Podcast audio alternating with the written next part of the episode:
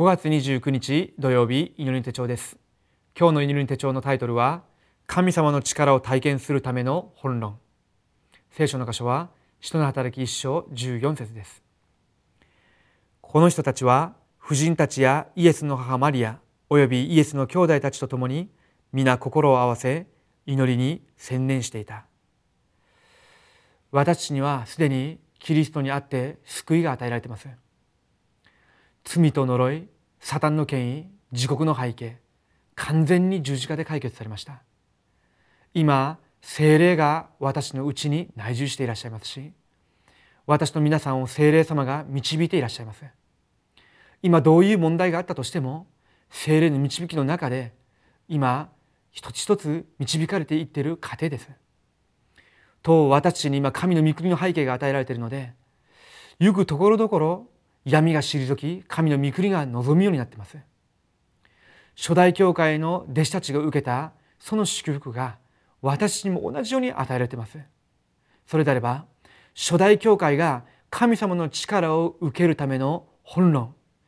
祈りに専念することができる24時祈りの中に入っていったその部分だけ回復するんであれば私たちが住んでいる地域キャンパスの現場と日本全世界をひっくり返すことができるはずです。私が今日神様の力を本当に体験する。神様の力を本当に慕い求める思いを持って祈りの手帳を読み進めながら祈っていきたいと思います。今日の序文を読みたいと思います。今もサタンは組織を作って個人と教会国を倒そうとしています。この霊的な事実を知らなければやられるしかありません。初代教会はこの霊的事実を知ってキリストの契約を固く握りました。そして精霊に満たされる働きを知っていたのでいつも感謝して揺れることなく世界福音家の証人として立ちました。この時暗闇の組織は打ち砕かれ始め世界福音家は成就されます。今日の本文を通して私たちが握るべき契約は何でしょうか。一つ目です。福音の御言葉。初代教会は聖書勉強をしたのではなく神様の御言葉を持って福音の確信を見つけ出しました。そして出エジプトの当時福音の確信を見つけたモーセに奇跡が起こりました。またこの契約を握ったイザヤを通して光が照らされパウルとルターを通しても神様の驚くべき働きが起こりました。重要なことは神様の御言葉がよく打ち付けられた釘のように心に打ち付けられなければなりません。サタンは何度も他の釘を打ち付けようとしますが、キリストの奥義で私たちの心の深くに御言葉の釘を打ち付けるならば、暗闇の勢力は崩れて、すべての答えがその上にかけられるようになります。二つ目です。どのようにスタートして進めばよいのでしょうか。キリストの契約を握り、24時祈りを始めるならば、大きな働きが起きるようになります。その証人がまさしくヨセフです。奴隷になったにもかかわらず続けて祈ったヨセフを通して神様の働きが起こりました。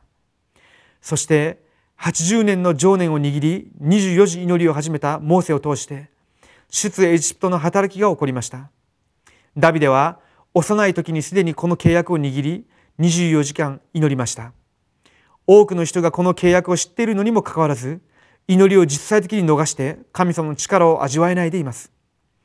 私の中心を神様に向けて祈り始めるならば、神の国が望む重要な答えを体験するようになります。私たちが少しだけ祈りを回復することができるんであれば、霊的に力を得ることができます。龍牧師が最近メッセージの中で、一日に10分だけ確信を得る祈りができるんであれば、神様が全ての答えの門を開かれるはずだ。そういうふうにおっしゃいますけれども確かだと思います。私がそういう祈りを継続することができるんであればそのような祈りが積もり積もって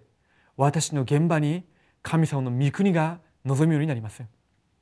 実際的な伝道の門が開かれて救いの宮座がなされるということです。日本の現場でなぜ伝道運動が難しいでしょうか。闇が砕かれないからです。なぜ日本の現場で伝道が難しいでしょうか？本当にキリストの契約を握り霊的な事実を覚えて祈りの奥義を回復したそのような伝道師たちが少ないからではないでしょうか？私がその始祖となって私のいる現場で祈りを回復するんであれば神様がその現場に御言葉を成し遂げて神様の御心を成し遂げる天軍天使を動員されるはずです。その事実を覚えて今日も祈りの深いところに入っていければと思います3つ目ですワンネスサタンとは仲違いさせるものという意味です本質を崩そうとする存在ですしかし福音の中で24時間祈り福音を持った人たちが共にワンネスとなるならば暗闇の組織が打ち砕かれ自然に働きが起こりますその集まりで本当に契約を握っているならば全ての現場のあちこちで御言葉運動が起こり始めます。私たちが日本の現場を置いてマルコの屋上の部屋に集まった初代教会の弟子たちのように祈りに専念することができるんだれば本当に日本の現場を置いて120万伝道弟子たちが起こされること日本で働く暗闇の勢力が完全に打ち砕かれること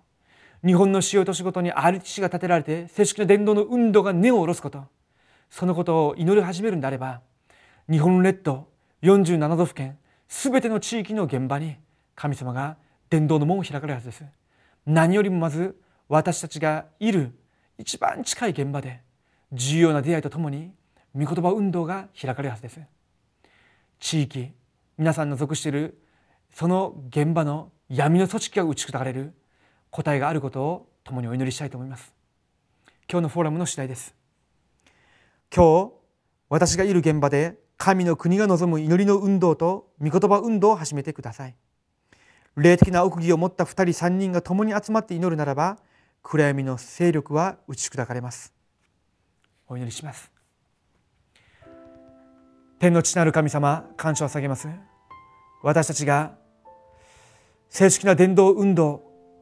タラパン伝道運動に参加しているものですけれども本当に初代教会の弟子たちがしたマルコの屋上の部屋に集まった弟子たちが始めたその御言葉運動祈りの運動から正しく回復させてください。本当に契約を握って祈る時に神様が生きて働かれ五巡節の日に臨んだ精霊の力を私の現場で体験させてください。私の力でなくて精霊の力によって本当に私の属している現場日本列島が変えられていく。